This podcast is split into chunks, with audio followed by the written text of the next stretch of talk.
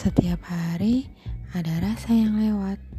Rasa itu lewat ke perasaan kita atau hati, ke pikiran kita, lalu ke perilaku kita. Yuk kita rasakan lagi apa yang bisa lewat